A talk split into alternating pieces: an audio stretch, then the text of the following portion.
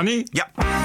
This is the TPO podcast. Opnieuw een loodzware dag in Kabul. It's a hard day today. Communiceren kun je leren, ook als ambassadepersoneel. Terwijl als er gewoon communicatie was geweest, had er niet zoveel paniek hoeven te zijn. En als burgemeester van Harskamp. Uh, wat zijn het voor mensen? En niemand is echt geïnformeerd. Aflevering 280. Ranting and Reason. Bert Bresson, Roderick Phalo. This is the award-winning TPO podcast. Goedemorgen Bert. Goed begin wel, hè? Heerlijk. Maar hier is het mooi weer en bij jullie niet, dus ik win. Jawel, jawel, jawel. Het is vrijdagochtend 27 augustus. Het laatste Nederlandse vliegtuig met evacuees aan boord is opgestegen van het vliegveld Kabul. Vanwege de zelfmoordaanslagen van gisteren. Dit is generaal, de Amerikaanse generaal McKenzie ter plaatse. It's a hard day today. As you know, two suicide bombers assessed to have been ISIS fighters detonated in the vicinity of the Abbey Gate at Hamad Karzai International Airport. The attack on the Abbey Gate was followed by a number of ISIS gunmen who opened fire on civilians and military forces. At this time, we know that 12 U.S. service members have been killed in the attack, and 15 more service members have been injured. A number of Afghan civilians were also killed and injured in the attack. We are treating some of them aboard H. Kaya. Many other Afghan civilians have been taken out to hospitals in town. We're still working to calculate the total losses. We just don't know it. Ja, daar is in ieder geval eentje bijgekomen. 13 gaat het nu om uh, 13 Amerikaanse militairen. Fucker. Ja, drie zelfmoordaanslagen. En het is ISIS, hè? Ja. Dus nu zitten we in een situatie dat we Taliban hebben, wat al radicaal islamitisch is. Dat ruzie heeft met ISIS, omdat het niet radicaal islamitisch genoeg is. Het moet nog veel radicaal islamitischer van ISIS. Het is maar goed dat de islam daar ook niks mee te maken heeft. Dat zou heel negatief afstralen op de islam. Ja. Maar het is wel, als je het hebt over deze aanslagen. Het, het, het allervieste pus op aarde. Weet je, het is de, Ja. de haatbrigade Ja. van de islamitische staat. Drie zelfmoordaanslagen te midden van wachtende mensen bij een vliegveld. Yep. En waarom ook? Hè? Want je zou denken, nou, met de Taliban ben je dan toch, mag je toch je handjes Ja. fijn knijpen. Ja, ja, Dat ja. is een beetje aanhangen van die sharia. Maar nee, nee, nee, nee, nee. Het is de verkeerde sharia. En ze gaan Dus- wel weg, weet je wel? Die Amerikanen Ja. gaan wel weg. Ja. Dus eh, ja, dit is, dit is eh, inderdaad veel dieper zinken dan dit kun je niet. En welkom to islam. Ja. Ja, Ja, nog vier dagen. Eh, en dan? Ja, de Amerikanen gaan dan- wel even ja, door. ja, ja, ja. Vier dagen. Vandaag is al bijna voorbij in Afghanistan. Vier dagen tot de deadline. De grootste blunder van Joe Biden is wel dat hij die hele terugtrekking in de verkeerde volgorde heeft georganiseerd. Tegen alle adviezen in, dat is, is nu wel duidelijk. De man heeft zich bewezen als volslagen incompetent. Tot grote frustratie van de inlichtingendiensten. Eh, dit is een veteraan. Tegenwoordig volksvertegenwoordiger voor de Republikeinse Partij, Tony Gonzalez. We shouldn't be focusing on an arbitrary deadline. The deadline needs to be the United States doesn't leave Afghanistan until all Americans come home. Afghanistan is roughly the size of Texas, and there's only one exit point right now in Kabul. That's unacceptable in any any form or fashion. I served 20 years in the military, 20 years in the intelligence community. I served 5 years in Afghanistan. We as an intelligence community, we have given up our ability to collect intel in the mo- at the most dangerous point in Afghanistan's history. I'd argue right now is more dangerous to Americans than that first day that we went in 2001. Why? Because we have no intelligence. This administration has given up the high ground on intelligence when we are trying to extract Americans. It is absolutely unacceptable. Ja, en dit is geen politiek praatje, maar dit is gewoon een praatje van een, een kenner. Iemand die daar geweest Ja. is. Dit is gewoon een militair-technisch verhaal. En Ja. Joe Biden heeft dat hele militair-technische verhaal, die logica, aan zijn laars gelapt. Ja, en Joe Biden wilde ook de vredespresident worden. Ja, Dus het kost wat mensen en dan heb je ook wat. Het is eh democraten in actie. Hoera. maar dit moet toch tot de bodem worden uitgezocht, eh, Bert, hoe dit zo rampzalig mis heeft kunnen gaan. En dat moet ook gebeuren. Ik, ik vind de Republikeinen nog rustig, weet je wel. Stel je voor dat dit uh, allemaal onder uh, de vleugels van Donald Trump was uh, gebeurd. Nou. nou. dan waren die democraten, de oppositie was heel erg fel geweest. En, en dan de waren ze nu al, uh, nu al bezig met impeachmentprocedures. Ja, precies. Pers is wel kritisch. En de Republikeinen zijn kritisch, maar de, niet hysterica nee. van wat de democraten hebben gepresteerd tijdens de vier jaar Donald Trump. Bij Trump waren ze al hysterisch zonder dat er ook iets, ook iets was om hysterisch over te zijn. Kun precies. je nagaan. Ja. Russia Gate was een soort gerucht. Ja. Waar, waar, waar, vier jaar lang alles uit de kast is getrokken. Ja. En hier heb je niet alleen een gerucht, maar een aan, aantoonbaar totaal falen des doods. En Ja. dan, ja, niks. Hoeveel would-be psychiaters zijn er niet voor de televisie gehaald om te vertellen Nou. dat eh, Donald Trump incompetent was voor, de- voor, zijn, voor zijn baan? En dat eh, bij Biden lijkt me dat je eh, zelfs een geriater lijkt me al voldoende om te vertellen dat hij incompetent is. Sterker nog, bij Biden hoef je denk ik niet eens arts te zijn om te vertellen dat het waarschijnlijk niet helemaal in orde is. Nou ja, is- Dus, eh, en, de- en, en dat dan gecombineerd met deze aantoonbare falen, wat we nu eh, de afgelopen uitzendingen keer op keer laat je dit soort fragmenten horen van mensen die inderdaad eh er verstand van hebben en daar geweest zijn en weten waar ze over praten en die dus allemaal eigenlijk zonder, zonder aarzelen, zonder twijfelen uitleggen waar het mis is gegaan. Wat overigens eh, elk ge- gezond mens, verstandig mens had kunnen bedenken. Dat je niet in één keer je troepen eruit kan trekken. Dat je dat pas doet als iedereen veilig is. Precies. Het motto van de mariniers was altijd, altijd, altijd eh, first one in, last one out. En eh, dat is waar de mariniers zaten in Afghanistan. Dus de bedoeling had dan natuurlijk altijd al moeten zijn dat iedereen er eerst uitging. En dan de laatste, het laatste peloton doet dan het licht uit. En neemt alle spullen mee, neemt alle wapens Juist. mee, neemt alle informatie mee. Maar alles is in de verkeerde volgorde gedaan. Dat hoorden we nu ook aan die Tony Gonzalez, weet je wel. De- het gaat zo mis omdat ook de informatie inmiddels ontbreekt. Omdat er geen mensen meer zijn die die informatie kunnen verstrekken. Vanuit de ambassade, vanuit het land, wat er gaande is. Het is een faal van ongekende proporties. Dat klopt. En het wordt ook niet beter met die Biden. Gisteravond, ja, ik, heb me, ik heb me echt verbaasd. Ik, ik wist echt niet wat ik zag. Hij sleepte zich gisteren door een, een slaperig voorgelezen persconferentie heen. En dit was het volume en de strijdbaarheid. We have so much to do. It's within our capacity to do it. We just have to remain steadfast. Steadfast. We will complete our mission and we will continue after our troops have withdrawn to find means by which we can find any American who wishes to get out of Afghanistan. We will find them and we will get them out. Dit is dus de commander-in-chief. Het is echt een, eh, echt een, eh, echt een leider hoor je hier. Hè? Echt, echt Ja, een iemand lange, die, lange die, ei.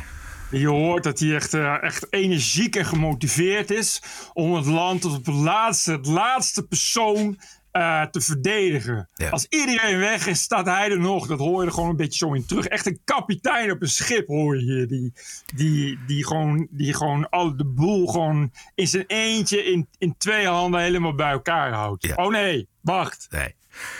Hij zegt dus inhoudelijk hier, ook tamelijk dramatisch, dat hij zich aan die deadline van volgende week dinsdag gaat houden. En dat alle Amerikanen die daarna nog zijn achtergebleven in Afghanistan, dat die wel op een of andere manier wel terug zullen komen.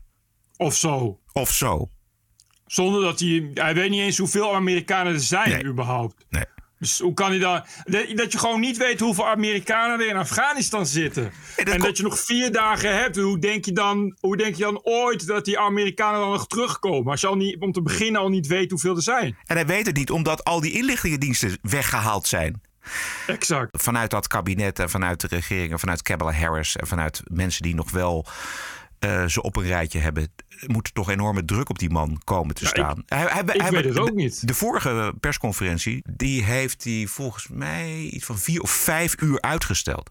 Ik zag op Twitter een wanhopige Jan Posma, die voor onder andere de Telegraaf correspondent in Amerika is. Die, die Ja. zat al klaar en die, en die kon, ja, die, die moest maar wachten, uur na uur na uur na uur. Dus dan is er een persconferentie aangekondigd om pakkenbeet drie uur 's middags. En dan duurt het dus tot zeven uur, half acht, totdat hij een keer verschijnt. En dan doet hij alleen iets van de- de autocue, weet je wel. Hij leest alleen Ja. iets voor. En dan een hele haag van journalisten die wacht op het moment dat ze vragen kunnen stellen. En als hij een punt heeft gezet, loopt hij weg. Draait hij om, loopt hij weg. Schoffelt hij weg naar achter. Ja, ik denk dat eh, ze kunnen hem nu niet opgeven. En er was geen andere optie om, om van Trump af te komen. Ja. Anders dan Biden. Het is het enige wat, wat ze hadden. Ja, dit zeg je heel goed. Want dit is precies En- de reden waarom die man daar zit. Ook al is hij zo Precies. incompetent als ik weet niet wat. Dit is de reden. Er, er zat niks anders op. Dus, en ze wisten natuurlijk toen ook al dat hij incompetent was. Dat, daar hoef je niet, nogmaals, daar hoef je geen arts voor te zijn. Weet je wel, dat, had je, dat kon je toen ook wel bedenken. Ja, En er is geen, een- geen andere optie omdat ja, eh, nu terugtrekken of, of, of, of überhaupt elke blauwe plek die de Democraten oploopt, is, is meteen een gevoelige nederlaag. ja. Of die bedenkt Ja, ja, ook wat de. Republikeinen, de Republikeinen maken gehakt van je.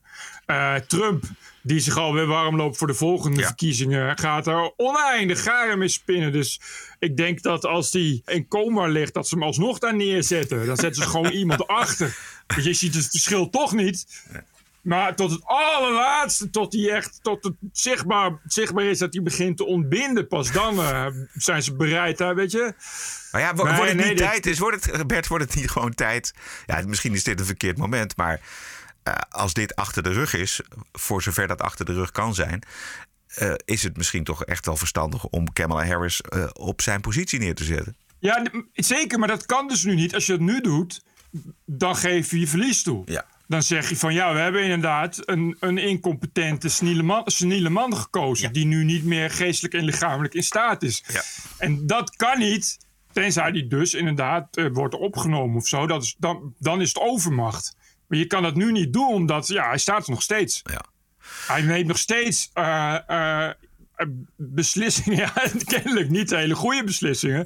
Maar ja, goed, dat, dat doet elke president. Er is een artikel in de Amerikaanse grondwet die eh, het mogelijk maakt om mensen, het is bij, bij Trump ook eh, geopperd, om mensen die dus eigenlijk niet capabel zijn, om die af te zetten. Maar goed. Maar, maar dat precies, maar je zegt het al, dat is bij Trump ook geopperd. Ja. En de reden waarom dat niet wordt doorgezet is omdat het toch wordt teruggefloten. Ja.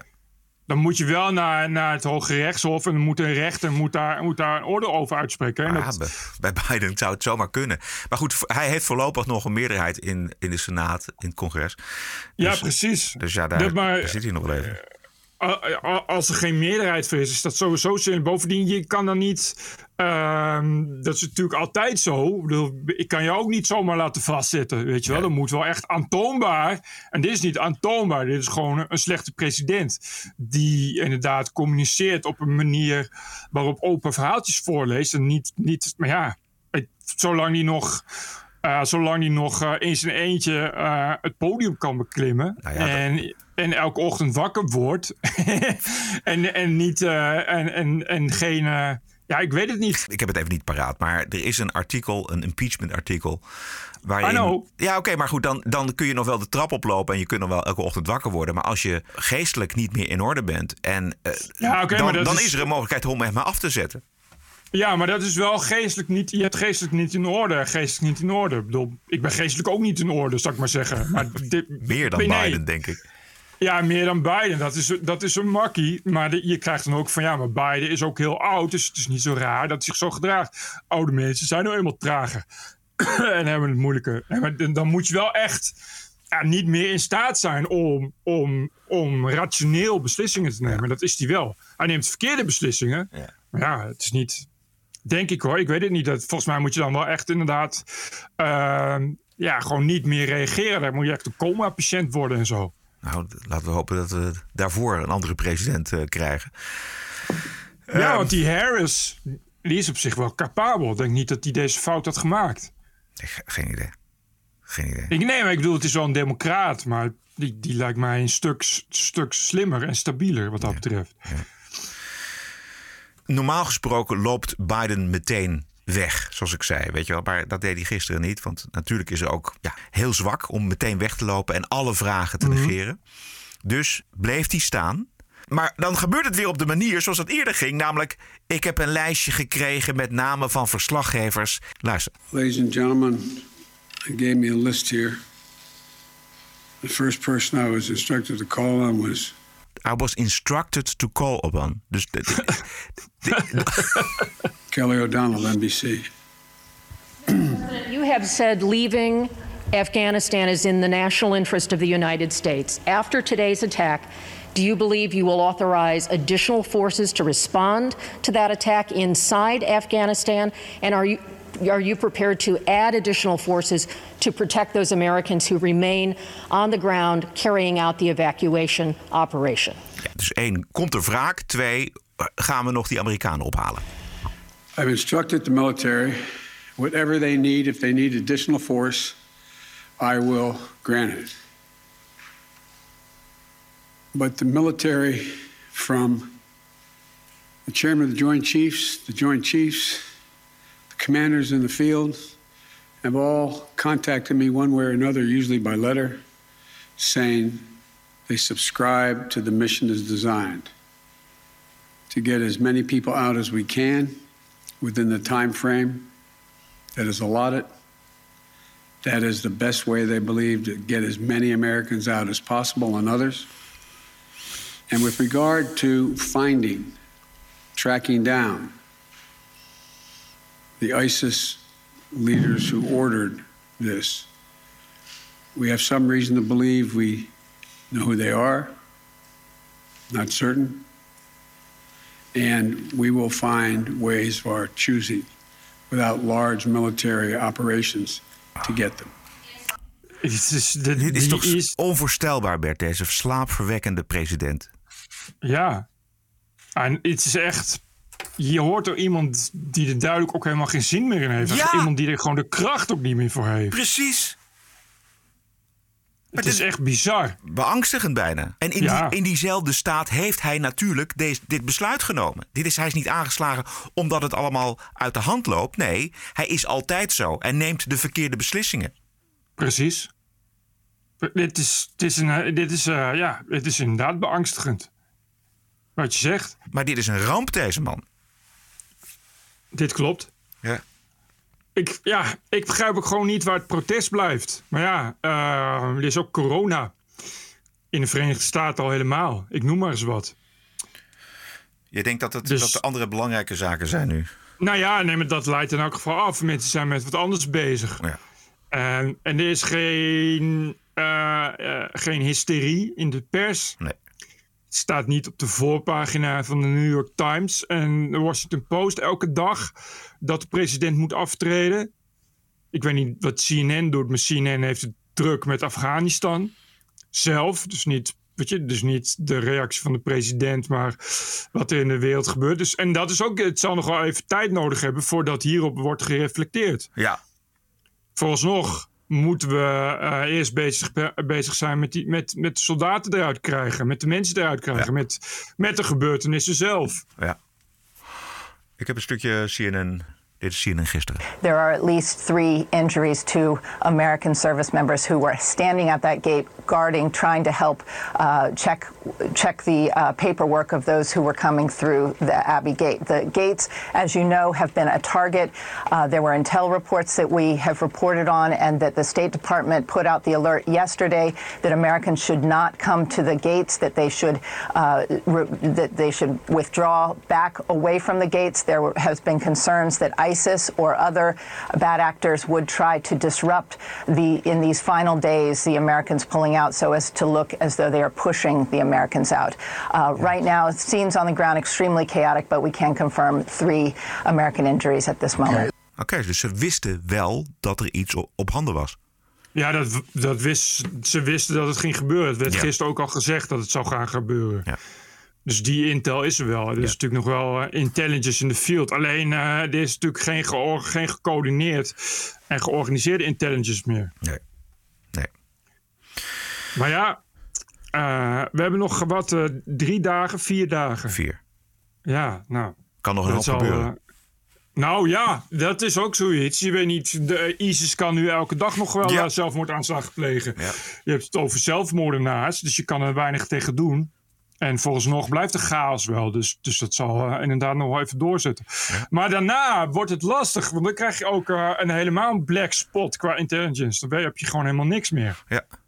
Hoe hard er geblunderd is op de Nederlandse ambassade in Kabul, dat eh, hoorden we van de week van Sarah de Jong. Zij is van de Universiteit van York. eh, tijdens een hoorzitting. Dat was afgelopen woensdag. Inderdaad, op zondag ehm, bleek het dat eh, Ne- ja, tolken die voor Nederland hadden gewerkt, vonden mij op social media. En vertelden dat hun paspoort op de ambassade lag. Omdat zij toevallig precies op dat moment ook een vlucht hadden gekregen, nog voor dinsdag. Eh, zij moesten die dag hun coronatest inleveren bij de ambassade. En stonden natuurlijk voor een gesloten ambassade. Vroeg ze dus af waar ze met de coronatest naartoe moesten. En waren in paniek omdat hun paspoort in de ambassade lag die gesloten was. Opnieuw heb ik dat op social media gegooid. En uiteindelijk is er daardoor een reactie gekomen. Maar in principe was het weer zo, als er gewoon communicatie was geweest, had er niet zoveel paniek hoeven te zijn. Ehm, een andere tolk, heel treurig, de week voordat eh, Kabul over werd genomen door de Taliban, had hij inderdaad zich aangemeld eh, volgens het bij de ambassade, had een asielaanvraag ingediend. Ik kreeg geen reactie en vroeg mij steeds na drie dagen, na vier dagen, wanneer, moet, wanneer kan ik nou eindelijk een reactie verwachten? En ik zei heel beleefd, wacht nou een week voordat je een reminder stuurt. Nadat hij een reminder had gestuurd, een week later, bleek dat zijn e-mail in de spamfolder was beland van de ambassade. Opnieuw moest ik dat op sociale media gooien om daar vervolgens een reactie op te krijgen. Opnieuw zei dat niet, ik- en ik ben niet iemand die dat graag doet. Het zou gewoon niet de manier moeten zijn waarop er met mensen omgegaan wordt. Ja. Het klinkt als een Nederlandse ambassade eigenlijk, ik weet niet.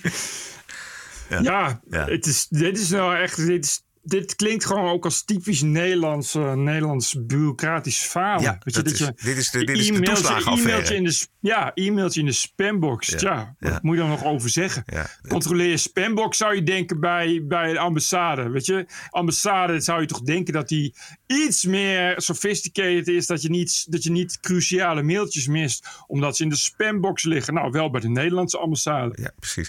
En het heeft ook niks te maken met eh, gehaast weggaan. Die, die spambox die zit waarschijnlijk vol met dit soort mensen. En dat had je al lang op orde kunnen krijgen. Hebt, het is alleen niemand die het controleert. Juist. Want ja, als er iets is, komt het wel in de inbox, hebben we geleerd. Ja. Dus waarom zou je je spambox controleren? Geen nieuws, Oh. niks aan de hand. Ja, vreselijk. Moet het nog eventjes over de opvang hebben van Afghanen Nou, ik zou, naar eh, Nederland? In eh Harskamp Ja. staat een oude kazerne. Ja. Misschien eh, kun je daar wat Afghanen opvangen. Wat van die tolken en zo, die als eerste weg moeten. Die eh, veel hebben gedaan, ook voor de Nederlanders. Die hun leven hebben, hebben durven geven. En leven niet zeker waren nu alles hebben moeten opgeven. Om in elk geval hun, hun huid te kunnen redden. Misschien kun je die tijdelijk opvangen in een leegstaande kazerne in Harskamp. Ja. Eh, De mensen in Harskamp die, eh, hebben toch andere informatie dan wij hebben over de Afghaanse tolken. Er zijn geen vluchtelingen, dat zijn landverraders zijn dat. Oké. NSB'ers zijn dat. Ja. Oké, vertel. Want toen hier de 40, 45 de oorlog was, werden dat soort mensen, vrouwen werden kaal geschoren. Hè? Mannen die kregen geen uitkering meer, die kregen geen huizen meer, niks meer. Stateloos werden ze. Maar wat heeft dat te maken met dit?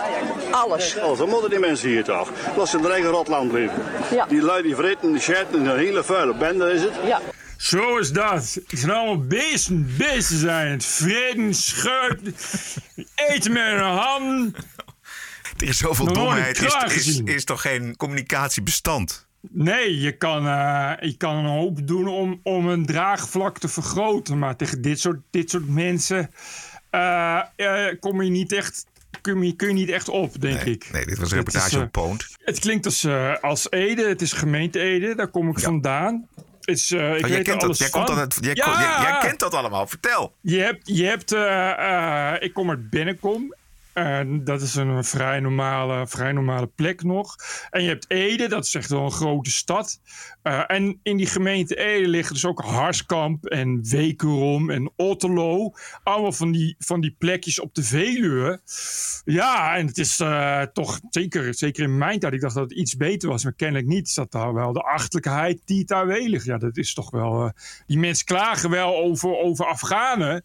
Maar je kan ook niet echt zeggen dat het, uh, dat het in, in, uh, in Harskampen anders is, zou ik maar zeggen. Vergeleken met Afghanistan is dat een beetje dezelfde steentijd.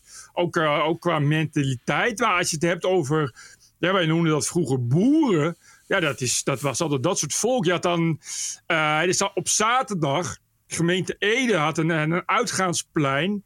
En dat was eigenlijk elke zaterdag extreem gewelddadig. De gemeente Ede, weet ik nog, was een van de eerste, eerste gemeenten met een uitgaansplein dat continu cameratoezicht had. Toen was dat nog een ding in Nederland. Dat er echt een gemeente was, dat een, een uitgaansplein dat continu cameratoezicht had. Ja, ja. Toen maakte in die tijd mensen maakten zich nog zorgen over privacy. Ja. Dat is al lang, lang geleden. En... Uh, want, maar dat was echt gemeente uh, Ede was echt, uh, ja, dat is altijd, altijd een uitbarsting van geweld. En je had dan uh, elk jaar in augustus de Heideweek. nou, met, bijvoorbeeld met de Oud-Luntense Dag en de gezellige Vlegeldag in Bennekom. En nou ja, dat klinkt je, met een braderie en zo superleuk. Maar dan had je dan ook ja, van die optredens van, van bekende bandjes. En dat was dan op zaterdagavond in Ede. En dan kwamen dus al het volk uit de omstreken, dat, de, de boeren kwamen dan en het was altijd snoeihard geweld en knokken. Oh ja.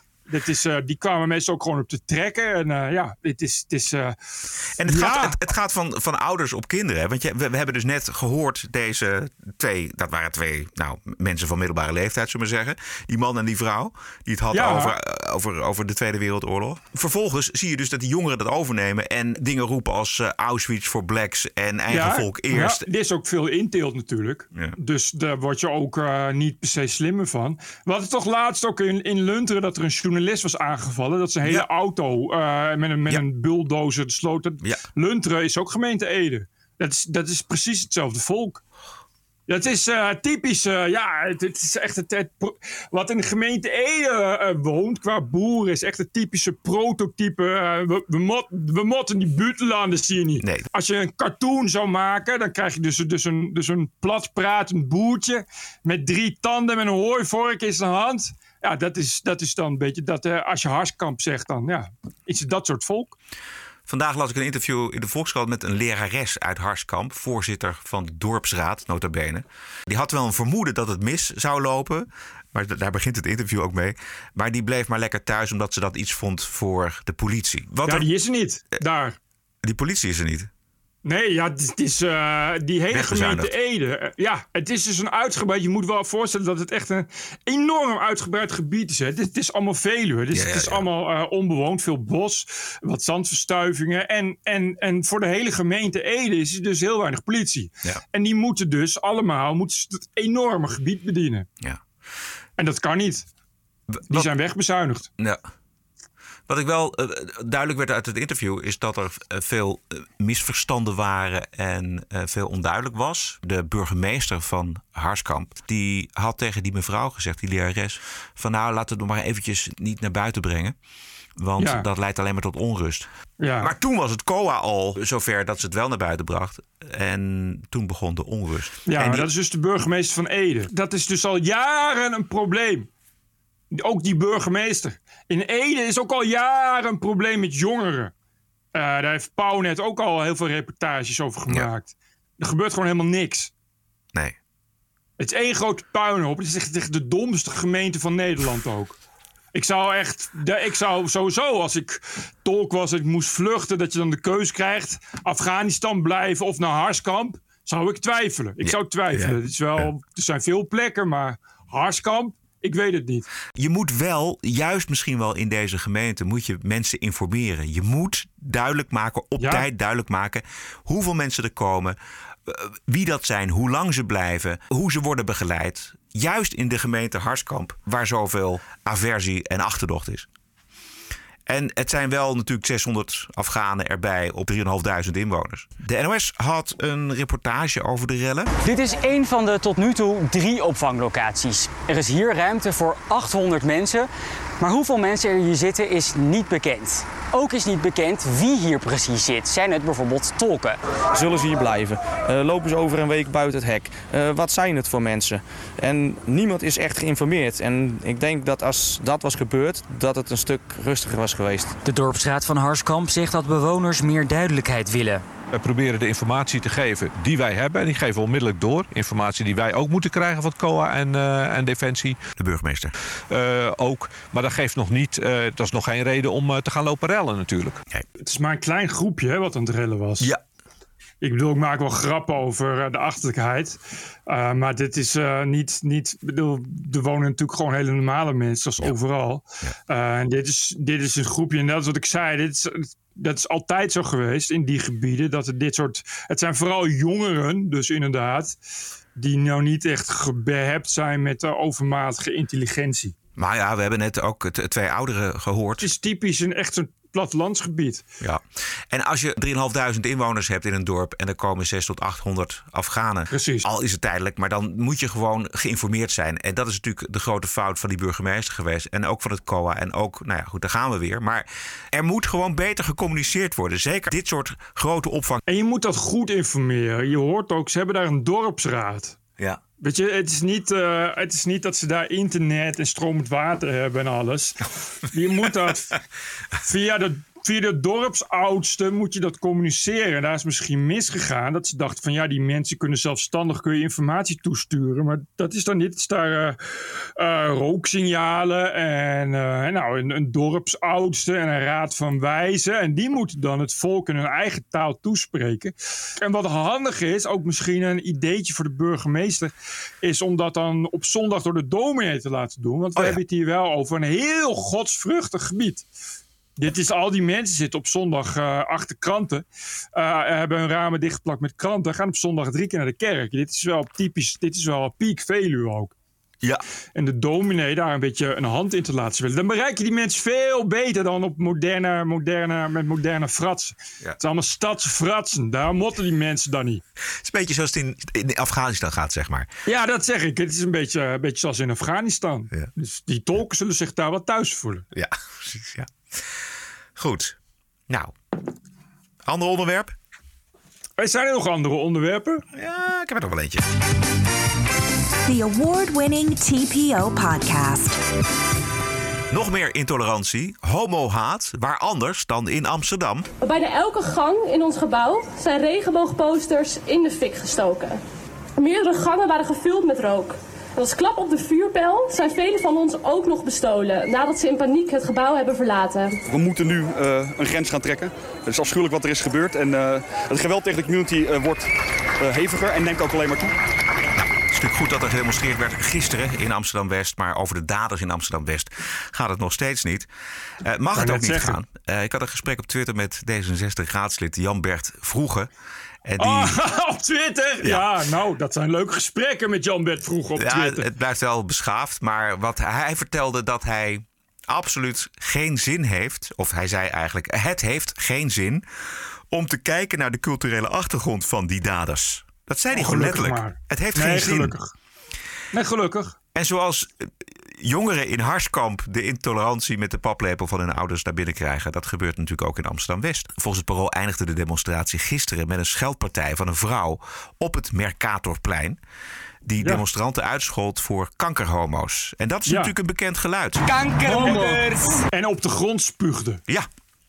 Nou, wie doen dat nou? Dat is typisch gedrag van hockeyjongens. Ja, precies. Die roepen altijd kankerhomo's en spugen dan op de grond. Dat is, eh, ik vind het heel goed ook van het parool, ook van die mensen die daar melding van hebben gemaakt, dat ze de achtergrond niet benoemen. Ja. Dat ze ook geen signalement geven, want daar gaat het niet om. Nee, precies. Het is heel belangrijk dat je eh, lekker in binnen je eigen bubbel kunt deugen. Dat dat nou niet ook naar buiten gaat lekken. Maar er wordt dus echt geloofd, als je dan zo'n eh, Jan-Bert Vroege moet geloven, dat het geen zin heeft. Het heeft geen zin om te kijken naar waar komt die aversie tegen homo's vandaan in die cultuur. Jan-Bert vroeger, eh, dit, die is zelf homoseksueel.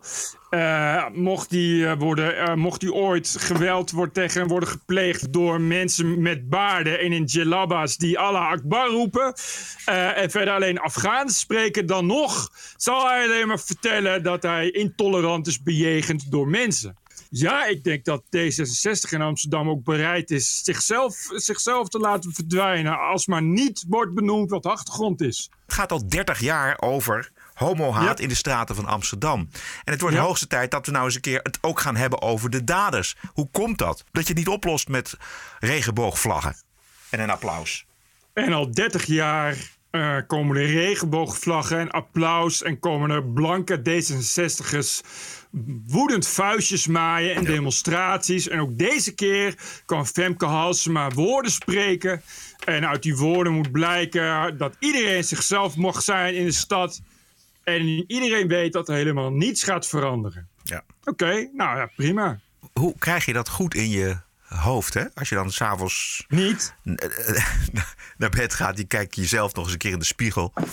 Ben je dan tevreden over wat je zo op zo'n dag gedaan hebt? Nou, dat sowieso. Een D66, zeker een D66 uit Amsterdam die in de spiegel kijkt, is intens tevreden. Daar kunnen wij echt geen voorstelling van maken hoe intens tevreden zich die voelen.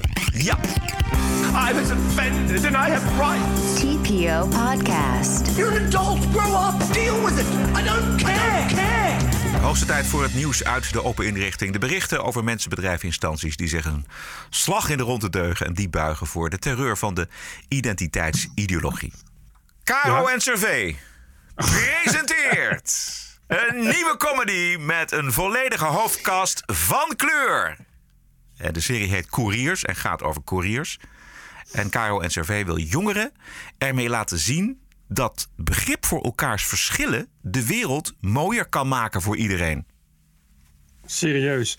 Eh, dat is het, het, het lollige was Ja. dat er in het persbericht ook alleen dat stond. Ja. KRO en CV komt met een comedy-serie die geheel bestaat uit een kast van kleur. Dus het feit dat die cast van kleur is, was het, was het wapenfeit. Ja, precies. Dat Dus was het nieuws. Ja, en dus dat, dat eh, doet vermoeden dat het ook zo bedacht is. Mhm. Laten we een kast van kleur zoeken. En dan noemen we dat een comedy-serie. Je kan dat natuurlijk van alles. Je kan ook een dramaserie maken. Maar eh, een kast van kleur. Dat is ook het enige wat je nodig hebt. Is een kast van kleur. Ja. Als het maar gekleurde mensen zijn, dan maakt het verder niet uit. Ja. En wat ook zo grappig was, dat eh, het, het komt niet op televisie. Het is online. Ze geven het ook nog niet eens een volwaardige start. Niet op televisie, want het is te gevaarlijk waarschijnlijk. Omdat het dan eh, misschien wel te lage kijkcijfers Precies. oplevert. Dus we doen- afgekeurd door de zendermanager. dus het mag niet op tv. Ja, nou, dan doen we Oh, toch wel op internet. Ja. Een kast van kleur. Welkom bij KRO NCV. De christelijke omroepen. Eh, filmmaker Eddie Terstal die had het over bizar flaneren met andermans huidskleur. Dat klopt. Dat vond ik mooi. Dit is, eh, dit is wel piek, dit is wel piek woke, hè? Veel verder kun je nu ook niet gaan. Nee. Dit is inderdaad letterlijk zeg maar, een soort apartheid uitstallen. Ja. Ja, en wat zo grappig is, eh, en dat is eigenlijk heel grappig aan al die publieke omroepen, is dat ze nog steeds bestaan. Maar dat die verzuiling, waarin al die omroepen geboren en uitgegroeid zijn, dat die verzuiling natuurlijk is al lang voorbij. Nee, en daarom zoeken ze naastig naar ja, eh, een nieuwe levensovertuiging. Die hen het recht van bestaan geeft. Precies, een identiteit. De Avro-Tros heeft zich op Ja. de culturele zaken gericht. En hier zie je ook de kracht van woke en ook de bestaansgrond van woke. Is het, is het verdwijnen, eh, het verdwijnen van, van het geloof, is de secularisering van de samenleving. Het verdwijnen van de verzuiling. Precies, Wat dus- moeten we nu? Exact, dus Wat daar moet iets voor nu? in de plaats komen. En bij de K- Exact. eh, CV is dat dus niemand loslaten. Behalve Talita Muse natuurlijk. Zo- daarom ook die regenboogkleuren in de Westerkerk. 30 jaar geleden moesten ze niks hebben van homoseksualiteit. Nee. Dat was Nee, voorbehouden aan progressieve omroep als de VARA en de VPRO. Ja, precies. Ja. Ja. Waar eh, die programma's maakten waar ze bij de NCV... De NCV eh, was van eh, Henk Mouwen. Ja. En ik weet Henk Mouwen kop houden, ja. Henk Mouwen, kophouwer. Henk Mouwen, een mooie man met een snor. en een degelijke spencer. Die eh, van achter een bloemstukje voorlas dat we nu gaan kijken naar Kerkenpad. Ja. Daarvan was in die tijd ging het gerucht dat hij eh, homo was. Eh, en ik kom dus uit Ede, zoals ik al zei. En in Ede mocht je zoiets niet zeggen. Dan zei je niet van homo, maar dan zei je van de verkeerde kant. Oh ja. En dan sloeg je op, een, op je pols. Dan liet je je hand zo hangen. En dan zei die is van... sloeg ze op je. De- En eh, dat was, eh, nou, dat was een doorn in het oog bij, eh, bij de NCV. Ik weet dat vroeger, ik heb nog in Nijmegen hoogleraar, Kees Klop. Hij is al een tijd dood. Hij is destijds overleden aan leukemie helaas. Die is heel lang voorzitter geweest van de NCV. Nou, Kees Klop was van de, de diepe gereformeerde gezinte, kan ik je vertellen. Ja. Het was geen, eh, de NCV was geen kleine kerkelijke omroep. Nee, zeker Dat is niet. geen klein, eh, kle- geen klein gereformeerd geloof. Eh, die Kees Klop is, hij is opgeleid onder Balkenende, dus dat zegt wel wat. Balkenende was zijn grote mentor. Ja, om even aan te geven hoe gelovig dit soort lui waren. En de KRO precies zo bedoel ik. Ja, maar die waren Nou, wel iets, ietsje moderner, waren die. Want daar had je ook nog Ja, Aad van de ze- Heuvel. Want die altijd, altijd een heel geweldig journalistiek programma. En je had Ja, op de radio had je Vincent van Engelen. En Zeker. Met een baard. Maar, Maar- bij de NCRV, daar eh, presenteerden de discjockeys op Hilversum 3 met een, met een das. ja, precies. De NCV was, eh, ja, nou goed, dat was typisch, typisch, eh, typisch protestant eh, omroep. Maar er is nu niks meer van over. Kun je nagaan. Terwijl alle leden, en ik zeg alle, met de nadruk alle, want ik weet zeker dat er de afgelopen tien jaar helemaal niemand lid is geworden van KRO en NCV. Dus alle leden zijn mensen van boven de 87 die allemaal destijds lid zijn geworden omdat ze hardcore protestant of katholiek waren. Niet omdat ze graag regenboogkleuren op kerken, for Christ's sake, geprojecteerd wilden zien. En comedy-series met een kast van kleur. Maar goed, die omroepen die moeten veranderen. En mee veranderen. En eh, de tijden zijn natuurlijk ook veranderd. Maar de zoektocht eh, naar die nieuwe ideologie, die nieuwe levensbeschouwing, vind ik wel eh, bijna potsierlijk. En dan als je ziet waar Ja. dat ook toe leidt. Er is helemaal geen groepering in de samenleving die daar nog op zit te wachten. Er is helemaal geen groepering die nog aanspraak wil maken op katholiek en protestants-christelijke omroepen. Weet je, dat, Nee. dat, Dus- is, dat is er gewoon niet. Nee, en dat gaat ook niet veranderen, want eh, iemand heeft wel eens gezegd dat het eerder vrede in het Midden-Oosten is dan dat het Nederlands publieke omroepbestel verandert. En eh, dat denk ik eigenlijk ook. Dus Dat, dat, dat klopt. het, dat is, klopt. het is wachten op vrede in het Midden-Oosten. En daarna praten we verder. Ehm, ik had nog iets anders gevonden, namelijk het Archeologisch Museum in Cambridge. Die wil Ja. bij de Grieken en Romeinse beelden in het museum bordjes gaan plaatsen. Waarom wordt uitgelegd waarom ze zo wit zijn. Het, mate- het materiaal dat de Grieken en Romeinen gebruiken was nogal eh, eens marmer en eh, zo'n pleisterlaag die, die wit is. En nu zegt het museum dat de beelden een misleidende indruk geven dat er in de oude wereld geen diversiteit was. Ja, heel goed. Ja. Ik zou mezelf daarna gewoon opheffen. Maar goed, misschien eh, kunnen, kunnen, kunnen ze eh, eh, een leidende rol gaan spelen in de verwokisering. Wellicht dat het Archeologisch Museum contact kan opnemen met KRO en CRV. Ik denk dat er wel een leuke webserie in zit, ook nog op deze manier. Maar eerst gaan ze wat anders doen. Het museum wil namelijk ook laten zien dat sommige beelden hun kleur misschien wel zijn kwijtgeraakt door de jaren heen. Oh, Jesus En het Christ. museum wil een discussie op gang brengen over klassiek beeldhouwen en de geschiedenis van racisme. You're fucking kidding me. Ja, I'm not. Dat je, daar, dat je daarmee bezighoudt als archeoloog ook, hè? Ja. Ja, dit, dit, het lijkt erop als. eh, Vroeger had je als verhalen van Stalin die dan. ehm, nou ja, echt de natuur wilde veranderen. De loop van rivieren Ja, wilde ja. veranderen. Daar lijkt het heel erg op. Iets wat gewoon is, wil je per se veranderen, aanpassen aan je ideologie. Ja, ik, eh, want het is hadden laatst ook een, eh, een strijder uit zoveel voor Christus gevonden. En daarvan eh, wisten ze nu ineens dat hij non-binair was. Ja. ja. Dus wat, niet, wat natuurlijk niet kan. Nee.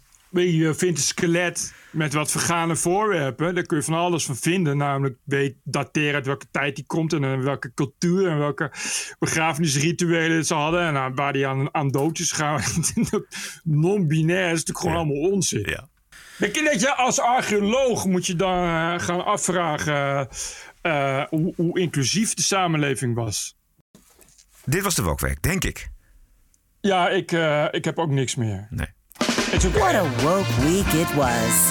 This is the TPO podcast. Altijd lastig. Puntje bij Bert. Ja. Ja, sorry. Ja, ik kan niet, dat is voor de luisteraars, die weten dat niet meer. Ik kan niet zien dat er iets wordt ingestart, bijvoorbeeld. nee. En ik zie jou ook niet. Mensen denken dat wij naar elkaar zien, maar dat is Nee, niet zo. Eh, Kunnen dus wel ik- zwaaien, ik- maar dat zien we niet. Nee, precies. Eh, eh, ik, weet- daarom, daarom lijkt het soms als ik overheen ga, maar dat komt dat ik niet weet wat er nu gaat gebeuren. Dit is de TPO-podcast. Een eigenzinnige kijk op het nieuws en de nieuwsmedia. Twee keer per week, elke dinsdag en elke vrijdag. 100% onafhankelijk, want Zonder reclame en zonder een cent subsidie. The award-winning TPO podcast. Wat is het jou waard? Een euro per aflevering? 104 euro per jaar? Of kies zelf een bedrag? Waardeer en doneer op tpo.nl slash podcast. De TPO podcast. Wat is het je waard? Dat willen we graag weten. Wat is het je waard? Geef geld. Geef geld. Uh, je mag het zelf bedenken. Dat is het mooie. Het is gewoon een vraag die je jezelf kunt stellen. Wat is het mij waard? En dat vertaal dat dan in een bedrag. En uh, maak dat aan ons over via tpopodcast.nl. Ik moet nog eventjes zeggen dat wij er dat het voorlopig de laatste keer is dat wij op vrijdag er zijn. Niet dat we definitief weggaan van de vrijdag. Maar ik ga eventjes uitrusten. Op vakantie. Op vakantie. En op vakantie maken wij gewoon op maandagavond de dinsdagaflevering van de TPA podcast. Maar de vrijdag komt heel lastig uit, ook in verband met het reizen. Dus dat is eventjes, dat gaat, dat gaat even niet lukken. En uh, hoeveel vrijdag zijn we er niet? Drie zijn we er niet. Waar ga je op vakantie? Naar de Veluwe? Ik ga Harskamp? Niet, nee, Weet je die omgeving? Ik zo? ga naar een piepklein eilandje in de Middellandse Zee. Oké. Okay. Op een bootje ook? Ja, deels, deels met het vliegtuig. Mag ook niet natuurlijk, maar dat doe ik dan wel. En uh, met een bootje. En dan uh, daar doe ik gewoon verslag van natuurlijk. Hoe dat allemaal gaat ja, en hoe het ja, eruit ziet. En uh, of, nou ja, dat soort zaken. Maar dat doen we dus op voor de dinsdag. Dus we zijn er gewoon elke week op dinsdag. Maar de komende drie vrijdagen zijn we er niet. En daarna gewoon weer twee keer per week. Ik begrijp ook dat jij geen vliegschaamte hebt. Nee, die heb ik niet. Nee. Fascist! Zo vaak vlieg ik namelijk niet. Wil jij soms hè, het voor Greta Thunberg het leven compleet onmogelijk maken? Ja, Alleen je, maar omdat weet, jij wil vliegen? Ja, maar weet je wat het is, Bert? Alle Amsterdammers die mogen gewoon door blijven vliegen... omdat wij de eerste gemeente zullen zijn die van het gas afgaan. Onze voetafdruk, ah, okay. uh, CO2-afdruk, is gewoon een stuk minder. Dus wij mogen gewoon blijven vliegen omdat we van het gas afgaan. Bovendien, je hebt geen kinderen. Dus uh, jouw kinderen zullen toch niet, ja, uh, hebben er toch geen last nou, van. Nou, noem je helemaal wat inderdaad. Geen kinderen. Ik heb ook geen kinderen. Nee. Dus eigenlijk kunnen wij met z'n tweeën echt elke dag wel vliegen. Precies. Wat we besparen aan, uh, aan, aan, aan rotzooi en vooral overlast ja. aan uh, kinderen. Juist. Bedoel, ja. Is, is dat niet een mooie maatregel om in het klimaatakkoord op te nemen? Nou. Dat alleen mensen zonder kinderen mogen vliegen? Dat mensen zonder kinderen mogen alles. Ja. Ook autobanden verbranden en accu's in, in het weiland pleuren. Ja, en gewoon, uh, ja. hummer rijden. En mensen met kinderen moeten een bek houden. En die mogen gewoon niks meer. En een Prius Ze moeten rijden. een warmte, moeten Prius rijden en een warmtepomp kopen. dat vind ik sowieso. Ja. U vindt ons onder meer op Spotify, Apple Podcast, iTunes en natuurlijk op tpopodcast.nl. En wij danken iedereen voor het ondersteunen van deze aflevering 280. Ook de mensen die dat anoniem doen of met een maandelijks bedrag via Patreon bijvoorbeeld. Bedankt, Patreons. Waarderen en doneren heel graag op tpopodcast.nl. En we zijn terug aanstaande dinsdag. Stay cool. En